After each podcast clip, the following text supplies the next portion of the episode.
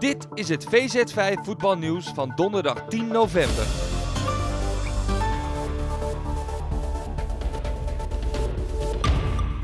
Ajax heeft woensdagavond puntverlies geleden in de eredivisie. In de Johan Cruijff Arena was de ploeg van trainer Alfred Schreuder niet in staat om Vitesse te kloppen. Het werd in Amsterdam 2-2.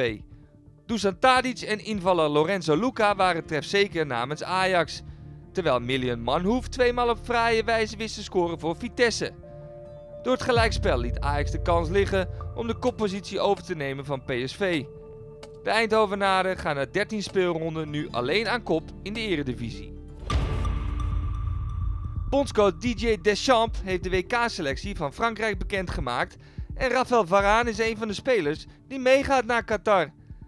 De verdediger van Manchester United raakte eind vorige maand geblesseerd aan zijn hamstring, maar gaat dus gewoon mee naar het WK.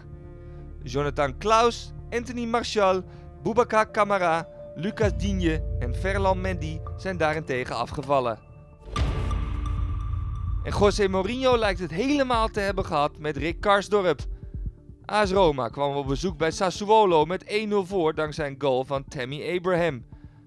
Maar vijf minuten voor tijd werd het alsnog gelijk. Mourinho was na afloop helemaal klaar met één speler en volgens Corriere dello Sport gaat het dus om Karsdorp. Robert Lewandowski hangt mogelijk een extra schorsing boven het hoofd. De spits van Barcelona werd dinsdagavond in de met 1-2 gewonnen uitwedstrijd tegen Osasuna met een indirecte rode kaart van het veld gestuurd. Bij het verlaten van het veld maakte de aanvaller een snuifgebaar richting scheidsrechter Jesus Gil Manzano. De kans is groot dat dit de Poolse spits op een flinke straf komt te staan. En L'Equipe meldt dat Sadio Mane niet met Senegal naar het WK gaat.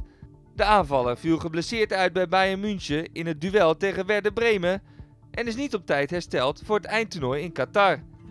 De sterspeler van Senegal, dat op het WK in de groep zit bij Oranje, liep geblesseerd van het veld en werd uiteindelijk vervangen door Leroy Sané.